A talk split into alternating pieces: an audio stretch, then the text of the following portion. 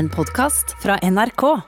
NRK P2. Aune Sand er filmskaper, forfatter, kurator, tilrettelegger og TV-personlighet. Han ble en del av norsk offentlighet med filmen Dis i 1995, og har siden den gang hatt den samme drivkraften. Et ønske om å spre glede og kjærlighet til alt og alle.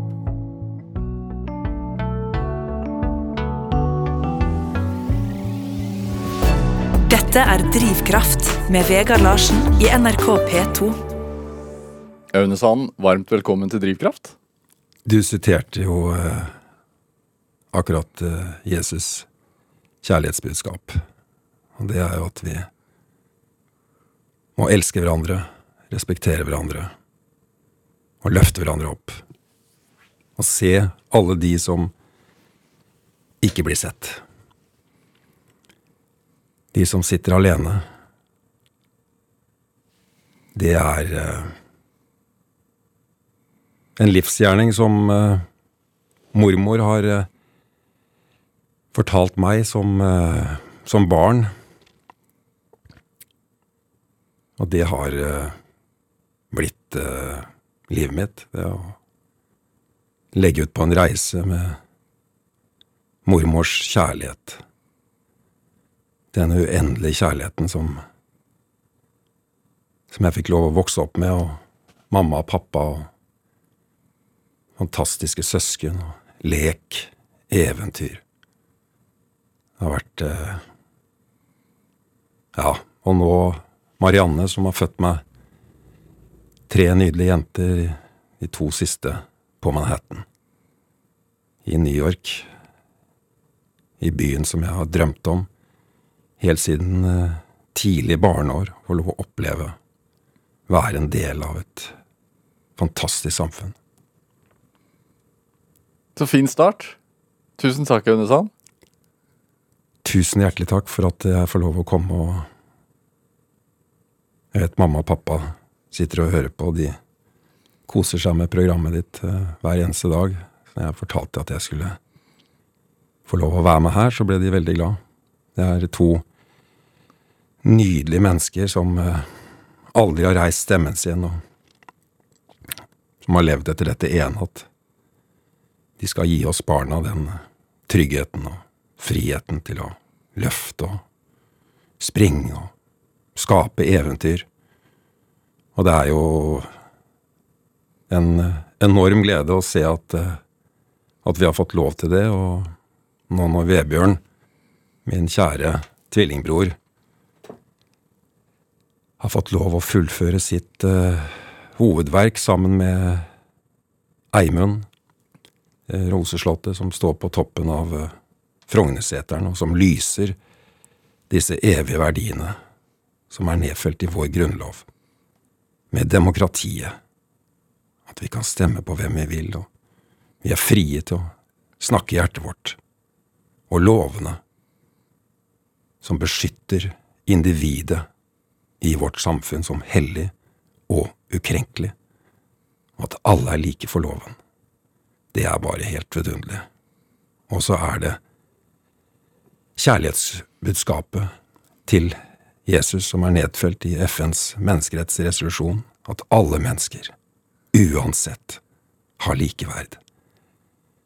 Så det er nedfelt i vår grunnlov, og det er det kongen vår og dronningen, det nydelige kongehus vi har, beskytter og ærer, og gir oss den tryggheten som det er å få lov å leve i et samfunn som eh, så godt klarer seg i en verden i forandring.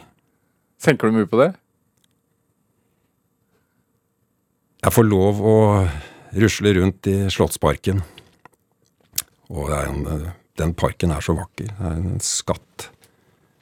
Å vite at der, vi har en kongehus, en regjering, et storting og et demokrati som beskytter livet til mine barn og deres drømmer.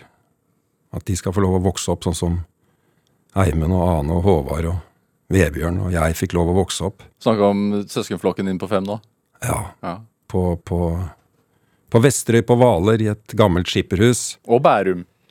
Og Grav gård i Bærum. Hvor, hvor er det Altså, er, er, dere er født Eller du og broren din er i hvert fall født i Bærum. Altså tvillingbroren din. Men er alle født i Bærum, eller er, er det litt sånn spredt? Eller født, ble dere født i Bærum, og så flytta dere til Fredrikstad etter hvert? Historien er som følger. Min mormor Ja.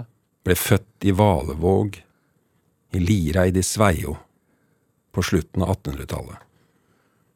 Og som ung så reiste hun til Jæren som tjenestepike på gården. Bonden Magnus hadde mistet sin kone. Hun hadde falt om ute på et jorde. De hadde åtte barn sammen, og mormor kom for å hjelpe til. Og så var mormor noen år på Jæren og hjalp bonden eh, på gården og, stelte der, eh, men så savnet hun landskapet og det røffere terrenget eh, oppe i Lireid, mellom Stord og Haugesund, ute ved havet, på en liten havgård der. Så hun reiste tilbake. Og noen måneder etter at mormor hadde reist, så spurte de to yngste guttene til eh, Gustav, som var bonde på gården, Arne og Magnus, om de ikke kunne gå over Frøylandsvatnet inn til Klepp for å kjøpe julegaver. Og Gustav sa at det fikk de ikke lov til, men de gikk av gårde. Og på veien tilbake så gikk de gjennom isen. Gustav i eh, dyp sorg skriver til mormor. Hun kommer tilbake for å hjelpe på Jæren. Mormor og Gustav fikk fire barn. Den yngste Kari, vår mor. I sine tenår og ungdomsår, og etter hvert da når hun reiste til Oslo for å studere til å bli lærer, så møter hun pappa på lærerskolen, og de gikk turer. Jeg spurte mamma her om dagen. De gikk turer i, i Slottsparken for å bli kjent. Og så fikk de da fem barn. Den eldste Håvard, som har jobbet som misjonær på Filippinene i, i mange år og, og hjulpet vanskeligstilte. Og så noen år etterpå så kom Vebjørn og, og meg på Bærum sykehus. Vi bodde i Vollen. De var da nyutdannede lærere og hadde fått seg jobb i, i Vollen. Vi bodde i skolehuset. De tre første årene var i Vollen i Asker, og så bar det ut til kysten. På Vesterøy på Hvaler. For et landskap. Helt vidunderlig. Eh. Var det, altså var det ikke sånn, fordi du, du nevner jo mormoren din, og jeg vet hun har betydd mye for, det, for, for, dere. Var det ikke sånn at hun også bodde hos dere for at, for at rett og slett fordi at økonomien skulle gå rundt? Spe på litt med pensjonen?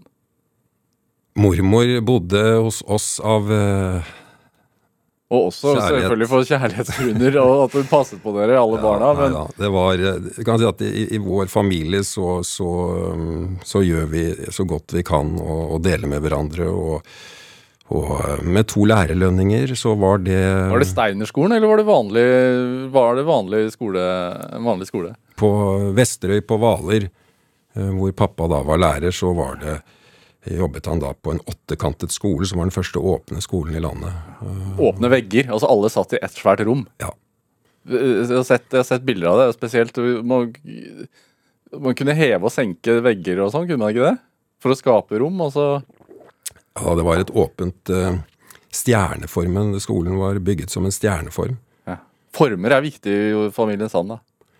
Og stjerner Ja, former er eh, viktig i samfunnet generelt. Er hvordan, du, hvordan du bygger et hus og Men gikk er dere, gikk dere barna på skolen som de underviste på? Vi, ja, ja, ja.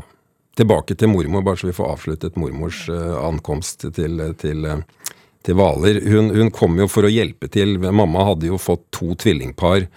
Eh, og en Ja. eldstegutt på, på fem år, og det var jo da Du har barn selv, kan, du- kan tenke deg hvordan det var. fire bleier samtidig, og, og, og da kom mormor over uh, for å hjelpe til. Og, og steke pannekaker. Eh, og, og, det var jo et eventyr. Og så var det jo sånn at det hver eh, den Lærerlønninger på, på 70-tallet, det var jo uh, knapt. Og da var det jo mormors pensjon, da, som, som hver 14. dag eh, kom som en redning. Så, men vi, vi, vi hadde det helt fantastisk, og vi, vi klatret i trærne, og vi, vi bygde snøhuler, og vi nei, det var, spiste epler som ned, nedfallsfrukt. Er jo det nydeligste som er. Var det altså det, Plommer og rips og solbær og fisk fra hav og herregud, så hele vi var. Åh. Eh, Huset ligger jo et stykke ut på Hvaler. Var det eh, Var det innlagt vann og sånn på den tida, eller var det Vi hadde, vi hadde vann eh, fra brønnen. Ja. Um, det var kanskje en spring på kjøkkenet, uh, men vi var jo henta vann i brønnen. Og så var også både altså Faren din er jo uh, anerkjent kunstner, og moren din er jo også kunstner. Mye håndverk, altså strikking og, og, og mer sånn husflidaktig kunst. Og er det Var hjemmet liksom prega av det? Altså Var det fylt opp med, med folk som Nei, jeg kan si at det å få lov å arbeide, og vi, vi trengte jo sokker, og vi trengte jo gensere, og, og da var det å, å ha mammas og mormors strikk på seg, det var jo Det føltes uh, som om vi bar kjærligheten eh, med oss i, ut i leken, og Nei, det var fantastisk. Og så hadde vi utedo, det var jo fantastisk. Var det. Hvordan var det fantastisk? Det er ikke fantastisk med utedo. Jo, det er befriende. Eh, Da sitter du jo kaldt eh, ute på rimfrost og kjenner naturen og, og springer om vinteren. Eh, 100 meter til, til toalettet og, og sitte der og se opp på stjerneklar himmel og drømme. Om våren så var jo kuene like ved, så da hadde jo, hadde jo fin eh, musikk fra de når de rautet og koste seg med de firkløveren og Nei, nei, herregud, det er jo, vi må tilbake til er herregud, det er jo Nå går vi liksom inn på butikken og kjøper sånn ferdigprosessert mat som er flydd og reist med båt over en hel verden. Eh, nei. Vi må tilbake til å dra opp fisken selv. Dette er Drivkraft med Vegard Larsen i NRK P2. Og i dag er eh, Aune Sand her hos meg i Drivkraft på NRK P2. Jeg glemte egentlig poet. Jeg skulle hatt det i starten her også, for det er du jo. Jeg tror dette er den eh, vakreste åpningen av et drivkraftprogram jeg har hatt.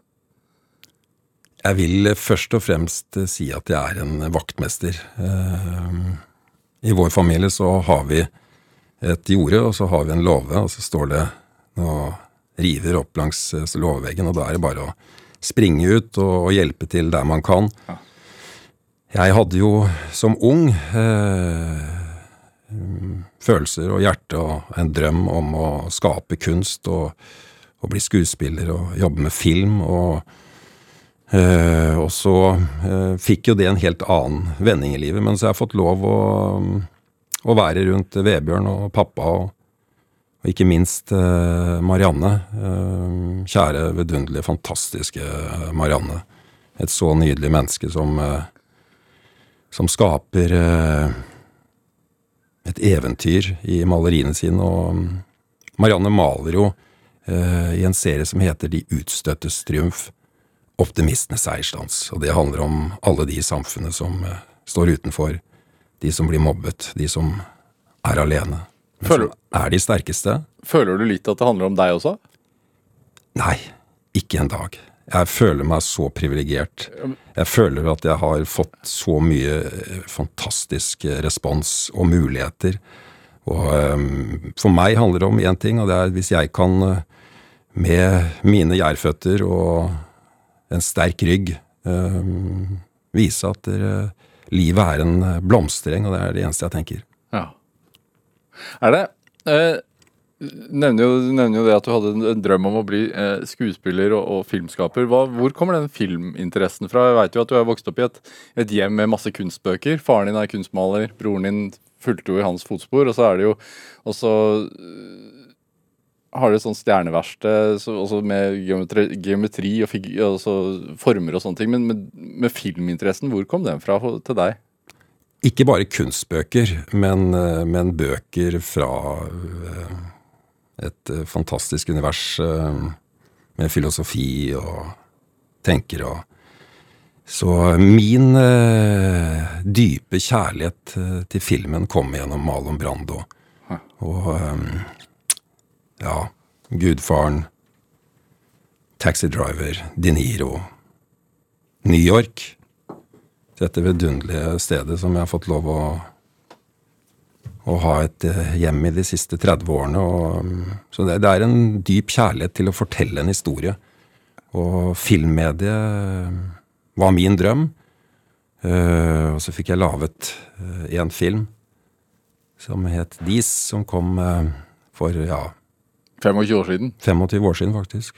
Um, hvordan tiden går. Oi, oi, oi. Så det var eh, Så tusen takk til eh, NRK for den nydelige dokumentaren som dere laget. Og på slutten der så fikk jeg jo sånne vennlige ord fra fra disse ja, filmviterne, og det, det, det satte jeg eh, umåtelig pris på. Men for meg så Jeg tenker sånn at jeg, jeg, jeg må ikke eh, leve ut uh, alle drømmene mine som kunstner. Jeg lever de ut uh, som menneske, og som far, og som bror, og som kjæreste, og som sønn, og Og um, jeg, jeg føler meg enormt privilegert. Og så har jeg fått lov de siste årene å, å, å være med i noen TV-programmer som Farmen og Torp, og, og det har vært eh, fantastisk sterk opplevelse å reise tilbake til mormors gård i Liereid og kjenne på hvordan det var, for det var sånn vi vokste opp. Vi vokste opp med neper og gulrøtter og kålrabi og rabarbra. Å, herregud, min mamma, jeg fikk noe rabarbragrøt. Å, herregud, på Nei, ikke på Grip, det er ute i Kristiansund, det var ute på Bleik. For Bleik, det nye stedet som du og du, Alex Rosén eh, befinner dere i, ny, ny TV-serie Aune og Alex. Ja, vi var på Bleik. eh, For meg første gangen i Jeg har hørt folk snakke om Vebjørn har vært oppe og malt uh, fra Nord-Norge. Og jeg har hørt folk uh, snakke om eh, Det må opp dit, det er så fantastisk. Og det tenker jeg, men Norge er jo helt An- Andøya. Andøya. Og, og um, så kommer jeg opp da, og det er jo Man blir jo helt bergtatt av, av den skjønnheten og menneskene der, og lynne og hav og fuglene og dyrene i skogen, og vi spiste jo elg og ryp og Hva, hva er det den serien handler om sånn eh, rent faktisk? Ja, det, Du, du og Alex Rosén Godt spørsmål. Du kan si at det, det, det var vel egentlig det at Alex og jeg traff hverandre på Torpet. Altså en del av Farmen. Ja. Ja. Og, og så var han der bare et par dager, men vi fikk en kan si, Når du treffer en bror, så, så, så er det en stor opplevelse. Og så, og så var det TV 2 som, som hadde lyst til å gjøre noe med oss sammen. Og så hadde vi bare et par sånne møter hvor vi satt egentlig bare og lo og skratta og koste oss. Og, så det var ikke noe sånn veldig plan egentlig før vi reiste opp. Eh, annet enn at vi skulle opp og og, bli kjent da med lokalbefolkningen. Og, det er de dyktigste filmskaperne og, og filmarbeiderne i, i Norge, de som jobber med Farmen og Torpet og eh, på Strix, som har, har eh, i samarbeid med TV 2 gitt oss muligheten til, og vi fikk se de fire første episodene nå her i forrige uke, og Alex eh, imponerer meg. Han, han gjør sitt aller beste noen gang. Han er så neppe og fin. og og hvordan de har klippet det sammen. og De er jo jeg troller jo. Er det er det, det altså, med, med Galleri Sand også, og så reiser dere jo mye rundt i landet med, med bildene til Vebjørn. Eh, har sånne pop-opp-utstillinger og besøker masse gallerier, og da treffer jo du Fordi du er tilrettelegger til, for mye av dette, og da treffer jo du veldig mange mennesker. Er det det også denne serien handler om? Også møte med folk? Ja, det kan man jo si. Um, Hva er det som skjer med deg? Altså, hvorfor hva er det du liker så godt med å møte hva skal man si, vanlige folk og, og jeg tenker på Jeg er jo så heldig at jeg har fått lov å være i det offentlige rom. og altså, Jeg møter jo veldig mange mennesker som eh, kommer opp til meg. og Er man heldig når man er i det offentlige rom, egentlig? Ja, jeg syns at det er et stort privilegium som jeg tar eh, veldig høytidelig. Og jeg tenker at jeg er her ikke for min egen del, men for å fortelle viktige historier fra, fra mitt liv. Og, og være eh, så godt jeg kan et, en, et, eh, en, en, et lysende en lysende stjerne for, for mormors tanker og, og ja, et, et, talerør for det hun og mamma og pappa og, og bestemamma og bestepappa har, lært oss til. Og det er uh, å forkynne at uh, vi må være snille med hverandre. Vi må slutte å rakke ned. Jeg sier jo litt sånn spøkefullt, uh, med, med, all respekt og dyp respekt for, for storting og regjering, men, men jeg som da er i underholdningsbransjen, har jo blitt pensjonert nå når de har tatt over såpeoperaen og sirkuset der nede. Det er jo Jeg tenker sånn at når man sitter ved kongens bord, og man sitter i et storting, da må man eh, tenke seg veldig nøye om eh, hvor man setter føttene sine, og hva man sier, og, og ikke minst eh, alt man, man, er jo blitt så glad i dette ordet krise. Men da må man bare se ut i blomsterengen og utover havet er, er, det noe konkret du har reagert på i forhold til det, eller er det Nei, jeg tenker også dere som, som jobber i media. Altså, det har jo blitt en, en veldig forstyrrende del uh, av livene våre. Og hele tiden lese at alt er gærent, og alle de andre er dumme, og alt det gærent. Det er jo ikke sånn. Uh, jeg syns vi skal litt tilbake til, til en, en, en, annen tid hvor man fikk lov å ha meninger og, og si det man hadde på hjertet.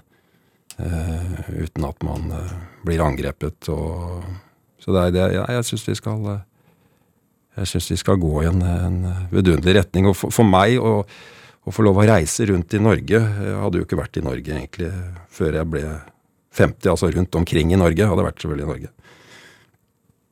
Og da er det min sønn Andrej, som jeg traff da han var syv. Han jeg traff André første gang da han var syv, og så tenkte jeg at nå er det for livet. Det var mammaen hans som jeg var kjæreste med, og, og vi har et uh, helt unikt forhold. Og han bor uh, i New York. Han er amerikansk statsborger. Han er opprinnelig fra Ukraina, men er amerikansk statsborger og bor uh, i New York. Og jobber med, for oss, fremtiden, og det er jo og formidle gjennom digitale plattformer som norwegiandreams.com, som er vår, vår, vår, eh, plattform for å vise kunst. Og han jobber med Facebook-siden til Vebjørn. Og, så vi, nå, nå, kan vi kommunisere eh, med publikum vårt eh, direkte. Og, og, det har vært med på da, den pop-upen som har vart i Norge på 90 steder. Fem år. 400 000 mennesker som har vært innom. Og da har jeg reist rundt selv, og sammen med Farah, eh, som jobber for oss, og Øystein, og, og, løftet og båret og funnet steder, kulturhus og andre steder som eh, Nå har vi akkurat fått et fantastisk lokale rett bak Stortinget i Akersgaten, hjørnet Prinsens gate. Sånn, det er nesten, Du skal ikke tro det er mulig. vet du. Er malt lokale. Skal åpne nå på, på fredag. Og, hva, hva, slags, hva slags lokale er det? Altså til for... Nei, det sto et tomt lokale der, og så banket jeg på døren. Kunst, kunst selvfølgelig. Ja. det sto et tomt lokale, og så banket jeg på døren. liksom, Unnskyld, jeg har vært Tør dere å slippe inn meg her, liksom? Det er jo rett bak Stortinget. det er jo liksom, eh, Jeg var ikke klar over at det er blitt så fint der nede. Det er jo, herregud, det er jo helt utrolig flott. Så det er, det er, min hverdag. Det er å stå opp og Men Hvordan er det? Hvordan er en hverdag for deg? Altså Du ruslet hit i dag, morges. Altså, hva, hvordan er en typisk og så rent faktisk, hvordan er en typisk dag for Aune Sand? Ja, um, rusle det er veldig sjelden jeg gjør, men, men når, når, står du opp? Um, når jeg står opp? Ja, uh, veldig godt spørsmål. Jeg, jeg, jeg, er sjelden i seng før uh, sent, sent. Hva, hva, vil jeg si? Ja, Det kan være to-tre på natta. Og det er, det er, det er, hvis du skal fra én by til en annen by og Hva, hva holder du på med fram til to-tre hver, hver, dag, da? Nei, Vi har jo aktivitet eh, på Manhattan og kommunikasjon der borte, og de har jo selvfølgelig en annen eh, Så når du er ferdig her, så kan man bare eh, ha kontakt med André i, i New York og, og eh, Nei, vi har jo prosjekter da som vi jobber med, og, og Nå holder vi på å jobbe med noe eh, veldig spennende. Jeg har alltid vært veldig opptatt av arkitektur. Eh, så nå er mitt ønske å, å begynne å jobbe med arkitektur og eiendom. Så det er et, eh, noe som vi skal, skal lansere i, i, i nær fremtid. Og, og ellers så er det jo da På hvilken måte da? Hva er, hva er planen?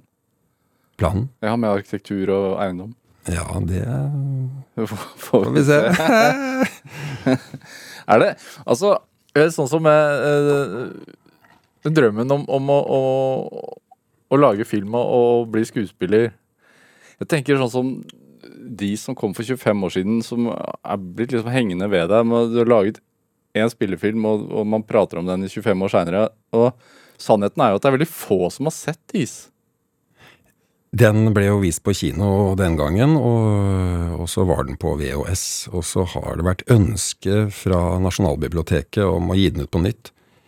Eh, men jeg har rett og slett ikke hatt tid eh, til å For da må vi mm, overføre den eh, fra film, den er filmet på 35, over til da et digitalt medie, og det har jeg rett og slett ikke hatt tid til å gjøre. Men du, men du har jo laget en film som store deler av den norske befolkningen har et forhold til, men som usedvanlig få faktisk har sett.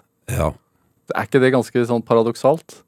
Nei eh, så- så- Jeg tenker i grunnen ikke på det på den måten der. Vi hadde en visning nå nede på Er det Salteter? Ja.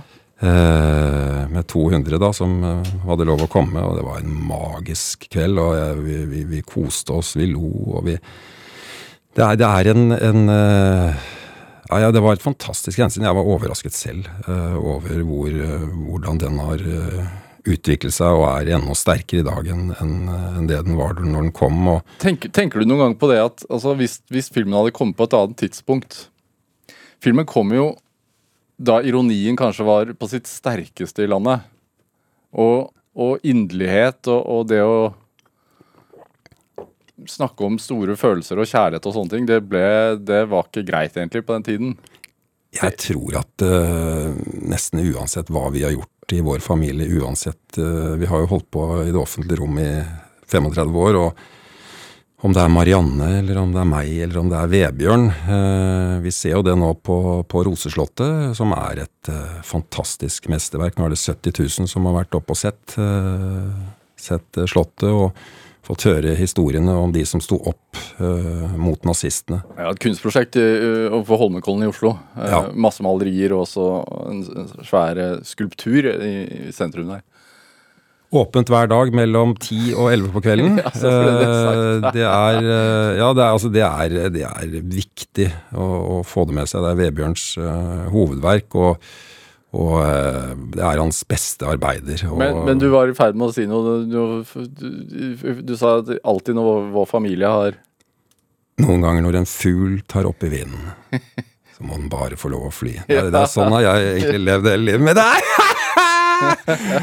ja, nei, nei, nei. Altså, ja, hva var det vi snakket om? Nei, vi, det, det er jo, du kan si at det er bare egentlig én ting som interesserer meg, og det er eh, det er at vi må være snille med hverandre og prøve så godt vi kan å leve i naturen og leve med de vi har rundt oss og se lykken i andres øyne og glede oss over andre som, som har gode dager. og det, det gjør det så utrolig mye mer spennende. og Jeg er så takknemlig for Andrej, sønnen min som er 32 år, og som eh, er bare et så nydelig menneske, og som lærer meg så mye om styrke, og Alba, som er blitt 22, og en sånn nydelig ung eh, kvinne som eh, er så klok og har så vidunderlige ting å si, og, og så lillemor, da, som er bare en prinsesse, et eventyr, en helt utrolig er, Herregud, så heldig jeg er. Altså Lillegull, og selvfølgelig da Marianne, som, som eh, har fullammet disse her eh, nydelige jentene. Og de er jo bare, de er bare smil og glad, vet du. Så de, de har jo ikke smakt brus. Altså Lillemor er åtte og ikke, vet hva brus er. er åtte år og har ikke smakt brus. Nei, ikke Hvordan har du klart det? Ja, det er pupp, da. Ikke til hun er åtte år. Nei, men, men, men når du har fått det liksom de første årene, så, så, så får du med deg en ja, Det er et eller annet magisk med, med det som kommer ut av mennesker. At det, det kan ikke overgås av sånn sukkerjag som eh, Når vi vokste opp, så var det jo ikke sånn som det er nå, hvor det er liksom sukker og sjokolade overalt. og det, Flesk og alt det greiene der sånn, det, det var jo på julaften. Eh, og ellers så var det jo gulrøtter og kålrabi og Jeg husker vi fikk Vi fikk gratis brød, vet du. Vi var jo mange unger, så vi var, fikk jo gratis brød, vet du. Sånn frossenbrød. Som, som da var Ja, fikk en pose, liksom, som vi spiste. Ja, det var, altså, mamma bakte jo vidunderlig brød her. Og så pizzaen til mamma. Å, herregud.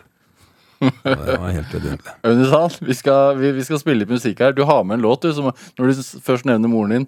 Eh, en, en Frans Schubert-låt. Uh, Erlkönig heter den kanskje. uh, med, med Marianne Andersson på vokal. Hva, hva, hvorfor skal vi høre den?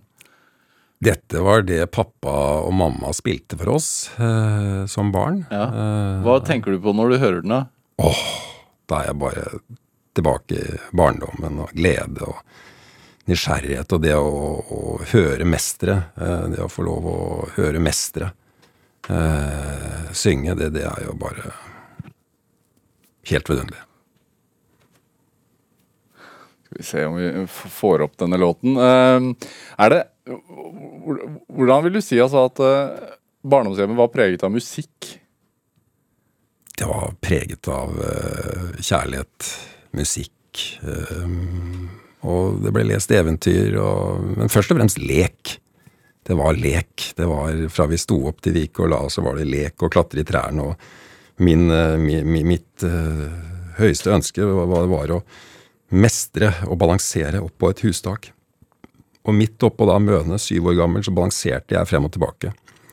Uh, og, og de andre foreldrene så jo skrekkslagne opp. Og sa, da sa mamma dere må ikke gi han oppmerksomhet, han må bare få lov å, å balansere der oppe. Og, og det var helt vidunderlig, for det var liksom det første som handlet om å mestre.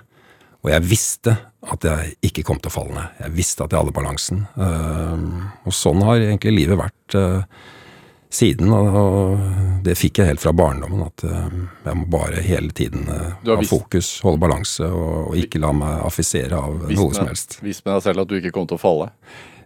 Ja, fallet gjør man jo hele tiden, men, men på andre ting. Men, men det å liksom holde en stø kurs uh, som menneske, og klare å balansere på, på livseggen, og ikke la seg distrahere av, av alle som uh, ønsker å sende deg ut i andre retninger, det har vært noe jeg har tatt med meg med enorm glede. Føler du at, at folk har ønsket å sende deg i retninger? Feil retninger?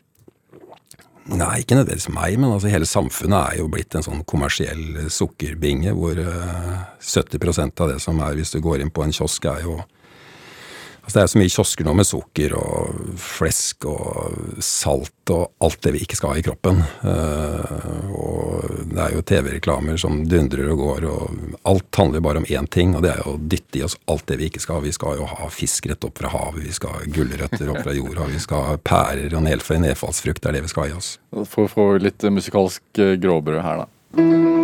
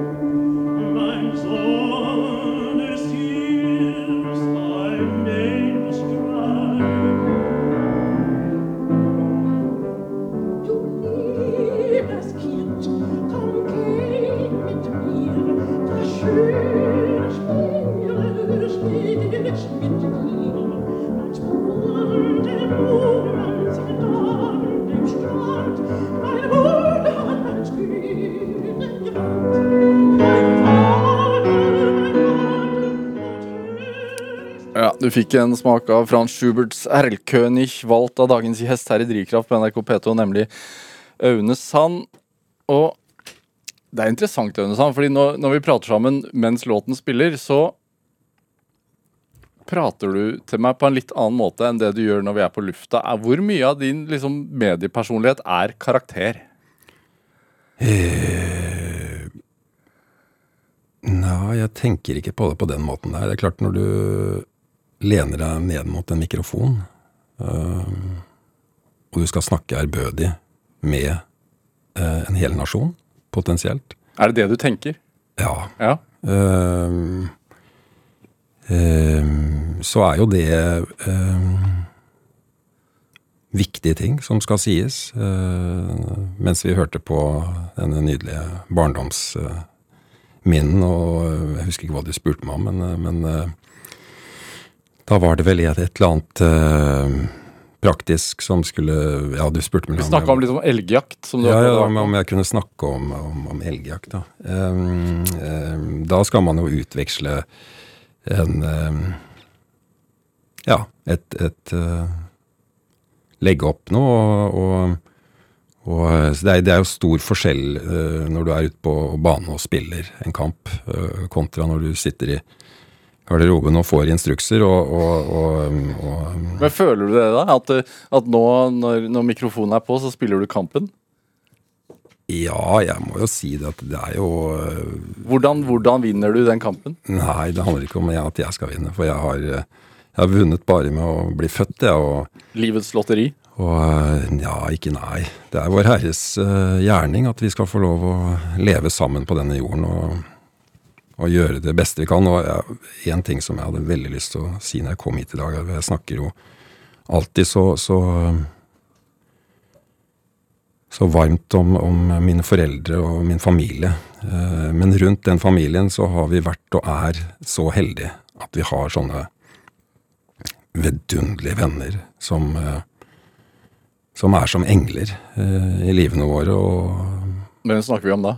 Nei, vi snakker om eh, de, de nærmeste rundt oss, som Terje Sølsnes, som, som er en venn av familien, og som er bare helt fantastisk. Vi snakker om eh, min aller beste venn, som heter Vemund Blomkvist, som er doktor på Teologisk fakultet her oppe på Universitetet i Oslo, og, og mange, mange flere som, som er som er bare sånne fantastiske, som hjelper oss øh, og stiller opp når vi skal bygge Roseslottet på dugnader, og, og, og er med å løfte og, og hjelper oss i, i hverdagen. Så det er øh, Det er øh, Og en, en helt Det er jo noe som jeg har satt enormt pris på i voksen alder. og å få en venn som heter eh, eh, Rune Hoverstad, som er eh, sjefen på hjertekirurgi på Haukeland sykehus i, i Bergen, som uh, opererte mamma for tolv år siden. Ja.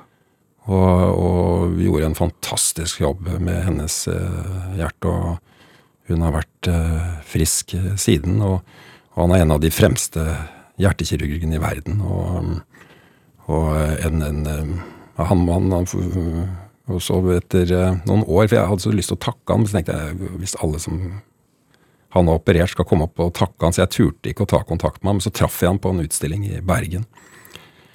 Og så eh, møttes vi, og vi gikk ut og spiste, og så har vi utviklet et eh, fantastisk eh, vennskap. Og når han forteller om hvordan han modellerer med fingrene sine når han opererer hjerter, og han er jo han er sånn som går inn og, og, og, og hvor andre ikke hvor andre må, må melde pass og står og opererer i 14 timer for å se om man kan redde et liv. Det er de virkelige heltene i samfunnet. Det er de sykepleierne. og Jeg var uh, innom et eh, Er det, er det for mye fokus på de som ikke er helter? Altså, Uh, du har gått, gått hardt, hardt ut. ja. Jeg trenger ikke å spørre meg om det. Altså, det er jo helt utrolig. og De er jo som står på hver eneste dag. Eh, Når vi har reist rundt i Norge, så har vi hatt gleden av å, å besøke noen sykehjem og sykehus hvor vi har eh, donert kunst. Som vi, som det står i Bibelen, ikke skal snakke for høyt om. Nå gjorde jeg jo det her nå, da. Men, eh, men jeg hadde lyst til å fortelle en historie. Det var jeg kom, det var i Enebakk. Da kom jeg opp eh, uanmeldt kom jeg opp med bilen full av kunst, og så går jeg opp trappen, og så går jeg inn en dør, og der ser jeg det står åpent toalett. Og så ser jeg da bakfra en kvinne som skrubber gulvet på det toalettet. Sånn jobber de. For at vi skal være trygge. Og legge til rette for våre kjæreste. Hun kunne jo ikke vite at jeg kom opp trappen der. Der står hun og skrubber på en tirsdag klokka elleve. For en luselønn. Og som jeg sa når jeg fikk lov å være i debatt her med tidligere i, i år på, på NRK Nyhetene, så ser jeg at det burde jo vært en flat skatt for alle som jobber i helsevesenet på 12% Det har vi råd til. Vi har mange titalls trilliarder er det vi har på bok, som bare står der og kjeder seg. Nå viser vi de hvor dypt vi respekterer den fantastiske jobben de gjør hver eneste dag. Mens sånne latsabber som meg bare Ja, jeg har jo sluppet billig unna livet. Ja, herregud. Nei, jeg har dyp respekt, så, så, så Rune har blitt og er en, en, en kjær venn, og det å få lov å kjenne et menneske Og det var, så morsomt da han fortalte det, er det har, hvem er det du har lært mest av? Jo, han lærte har lært mest av faren sin. For faren var så flink til å modellere og spikke og, og jobbe og, og skape med hendene.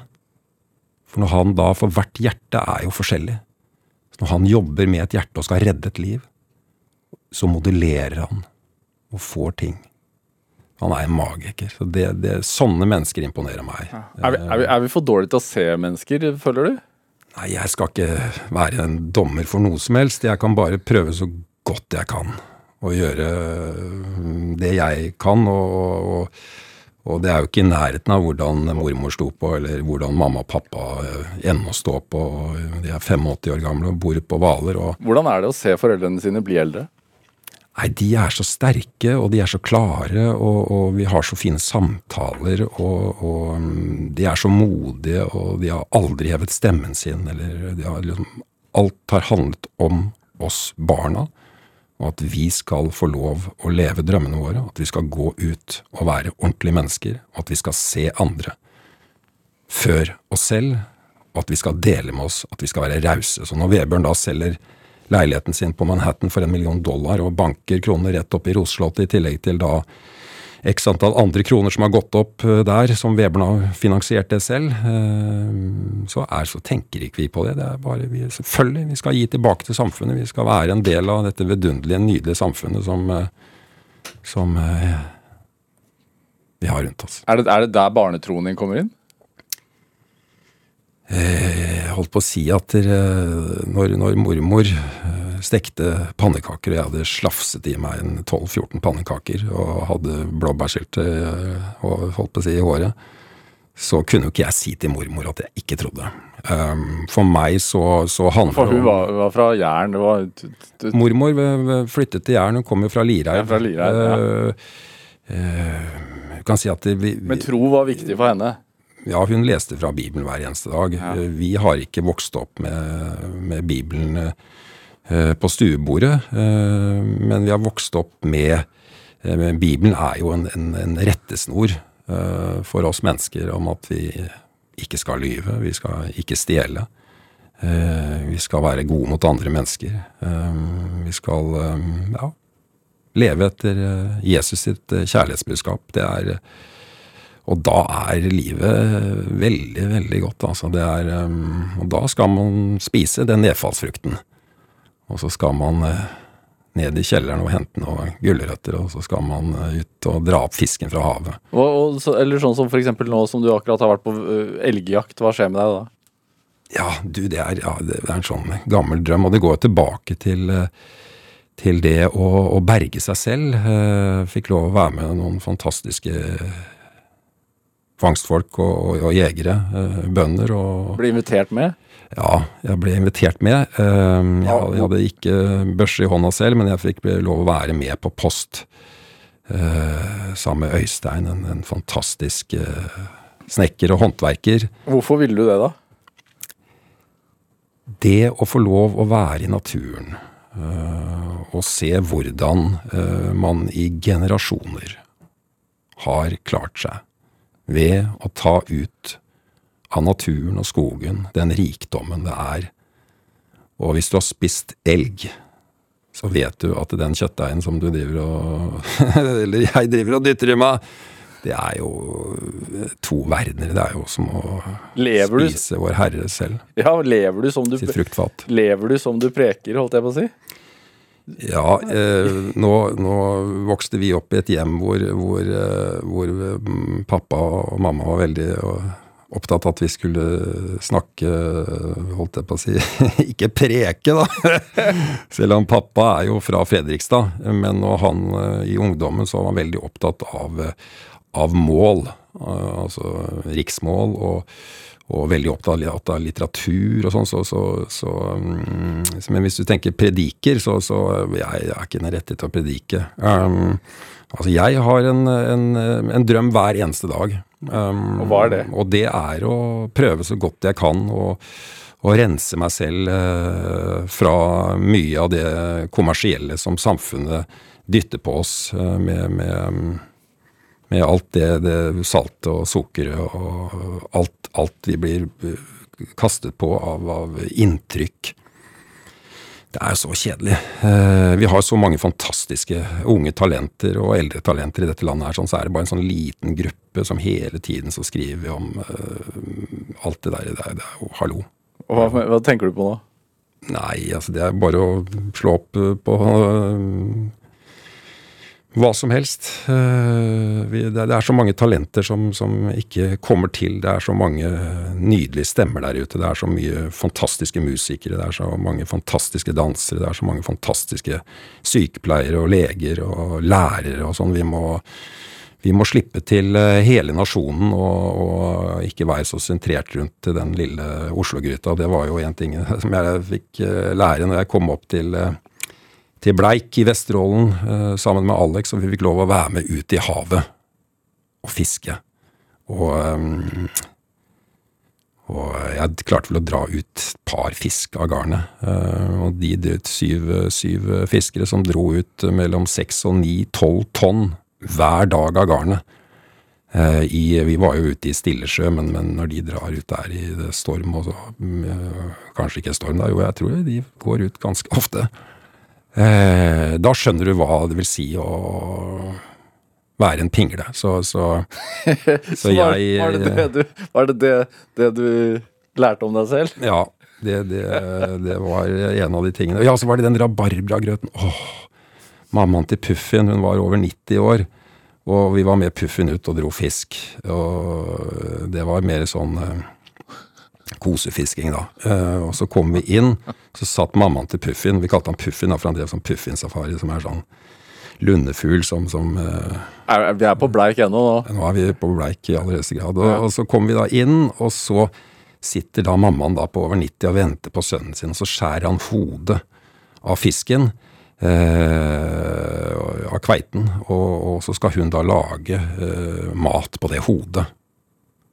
Kan du tenke deg mer fantastisk? Og så tenkte jeg, åh, hun der, hvis jeg klarer å invitere meg opp eh, på kjøkkenet hennes og få lov å smake den maten som hun lager, og så treffer jeg da bare et sånt fantastisk nydelig menneske, og helt altså sånn, som minte meg om mormor, og så serverer hun meg da eh, hyse fiskekaker. To sånne nydelige medaljonger, og det er ingen restaurant i verden som kan lage så nydelig mat. Og så til dessert så fikk jeg da rabarbragrøt, for det hadde vi som barn. Og da var det en sånn rabarbraplante som sto bak låven hennes, som hadde stått der i 100 år. Jeg er i mat, hun, sa han. Åh, jeg elsker meg. Det er André og jeg, vi er det man kaller foodies, og det er en av de tingene vi nyter. Det er matkunst, og, og, og matkunst handler jo om respekt for råvarene. Respekt for det vi spiser, og, og, og som en stor takk til, til, til Vår Herre for at vi får lov å, å brødfø oss hver dag, for sånn er det ikke for alle i verden. Og når vi da i tillegg får lov å leve med, med den vissheten om at det er uh, mat uh, hver eneste dag, det, det er uh, helt, helt utrolig. Ja. Så det, det var, det var eh, Og oppi Du, er, den du, er rabarberen du er takknemlig for hvert måltid du spiser? Jeg tenker på det at nå, etter at jeg er blitt 50, så, så må jeg bruke all tiden min bare på å takke. Eh, Det er eh, ja, hvert måltid, hallo. Eh, I hvert fall når du får elgkjøtt. Eller du får spise mammaen til Puffin sine fiskekaker, eller når, når hun lager rabarbragrøt, så var det tre svisker oppi. Tro, håp og kjærlighet oppi det. Var bare åh. Aune er- altså, dette programmet heter jo, heter jo Drivkraft. Bortsett fra din liksom, mormors visdom, hva, hva tenker du er din drivkraft i, i livet? Eh, nå som du er blitt over 50, som du sier. Og du har lagt ambisjonene om skuespillerkarrieren på hylla. Hva er drivkraften til Aune Sand? Jeg har ikke lagt den helt på hylla, da. Du har ikke det? Nei, det vil jo alltid bo en drøm inni seg, men, men eh, Nei, drivkraften min, den er eh, Fortell om den drømmen. Den, den, den slukker ikke? Drivkraften min er å beskytte mine barn. Det er min drivkraft. Det er eh, Hvordan gjør du det, da? Ja, da må jeg tenke klokt i alle valg, og tenke om hvor jeg setter ned foten min eh, varsomt i skogen.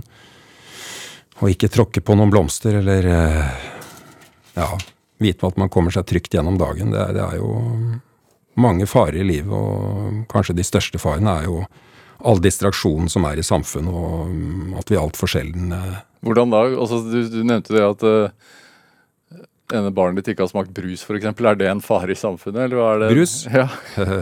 Det er jo altså Hvem var det som sa det at den lettbrusen, det stoffet som er i den lettbrusen, som da går gjennom oss, eller som da blir helt ut eh, fordi den er doven, den går gjennom løpet og ut i havet og skader fiskeyngel. ja. Så det må jo være svart, svar godt nok. Eller den sjampoen som vi driver og sjamponerer oppi håret vårt, og dusjer og vasker oss og skrubber oss det beste vi kan, den går jo rett ned og ut, og er jo kreftfremkallende, i da følge en artikkel i VG. Så, så Hvilken moral, etikk og livstro er det du velger å Ja, det syns jeg, jeg har svart veldig tid på. Det er jo mormors ord. Det er ikke noe annet enn det. Man trenger ikke å gjøre det så veldig komplisert. Og, og jeg er en, en, en enkel landsensgutt, og, og mm, det, det å, å legge til rette for dem så de har leken og få lov å lære. Lære er viktig. Det er det å få lov å lære, og det å få lov å gå på skole. og Jeg var og besøkte Uganda for, eh, sammen med en hjelpeorganisasjon her for eh, to år siden og, og se hvor viktig det er at de som er eh, helt på bakken med, med å noen ganger må spise råttent kjøtt for å overleve, at de gis muligheter. Eh, en av de mulighetene som man kan gi de, og som er veldig viktige, det er jo at de får lov å gå på skole og lære. Og vokse opp til å kunne bli Jeg tenkte på på øh, de jeg traff der nede, og tenkte at hvis man har satt de på et SAS-fly og flydd de opp til Norge, og satt de på en skolebenk i Bergen og gitt de samme mulighetene som Lillemor og Lillegull og, og Alba og André og mine barn har fått, øh, så kunne de blitt øh, hva som helst. øh, Sykepleiere, statsminister, hva som helst. Det er Urettferdighet plager deg. Eh, altså det er jo vi, vi, vi- vi, kan ikke snu oss vekk fra, fra, fra, fra de som lider. Det, det er en del av eh, det mormor har fortalt oss, at de som eh, ligger nede, de som trenger hjelp, eh, de skal vi, så sant vi har krefter, gjøre det beste vi kan. For det er eh, som en samlet nasjon, og det ser vi også i, den tiden vi er inne nå, at vi som samlet nasjon, ut fra vår eh, troslære og ut fra det samfunnet vi har, og ut fra hva vi har lært av våre foreldre og besteforeldre, så, så klarer vi å komme helt fantastisk gjennom en, en katastrofe for, for, for veldig, veldig, veldig mange i verden. Vi snakker om koronaen og pandemien. Nå snakker jeg om eh, den situasjonen som, som, eh, som verden er inne i. Ja. Er det vanskelig å leve etter de reglene, du har satt deg? Eh, regler og regler, altså det handler vel mer igjen altså man må Hver eneste dag så må man tenne seg selv. Eh, og det gjelder jo meg som, som alle andre, at jeg må mm, ta meg sammen og bare gyve på. Og, arbeid er jo en velsignelse. Det å få lov å arbeide, det å være frisk til å arbeide. det å ha en, jobb å gå til, og, det å kunne få lov for, for vår del i vår familie å, jobbe med kunst, det å skape eh, Vi er jo veldig privilegert og veldig bortskjemt, vil jeg si, som får lov å, å jobbe med, med, med, kunst og kultur og, og leke. Eh, ja, ja. Men ligger du på sofaen da?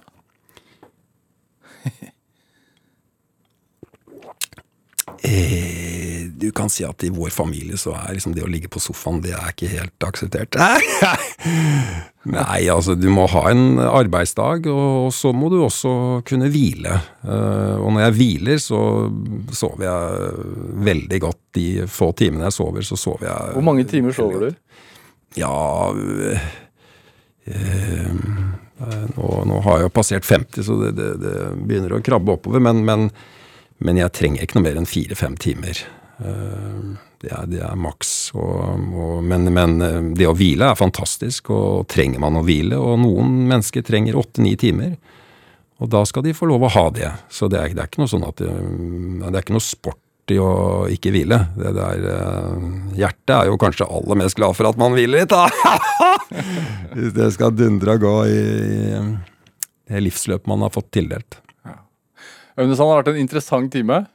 Tusen takk for at jeg har fått lov å komme hit og fortelle om uh, mormors uh, blomsterhave. Jo, tusen takk for at du kom hit til Drivkraft. Hør flere samtaler i Drivkraft i NRK på nett, eller last oss ned som podkast. Send oss også gjerne ris eller ros eller tips til mennesker du mener har drivkraft. Send en e-post til drivkraft. Krøllalfa nrk.no. researcher og produsent i dag var Pål Arvid Jørgensen. Jeg heter Vegard Larsen. Ha det godt. Du har hørt en podkast fra NRK. Hør flere podkaster og din NRK-kanal i appen NRK Radio.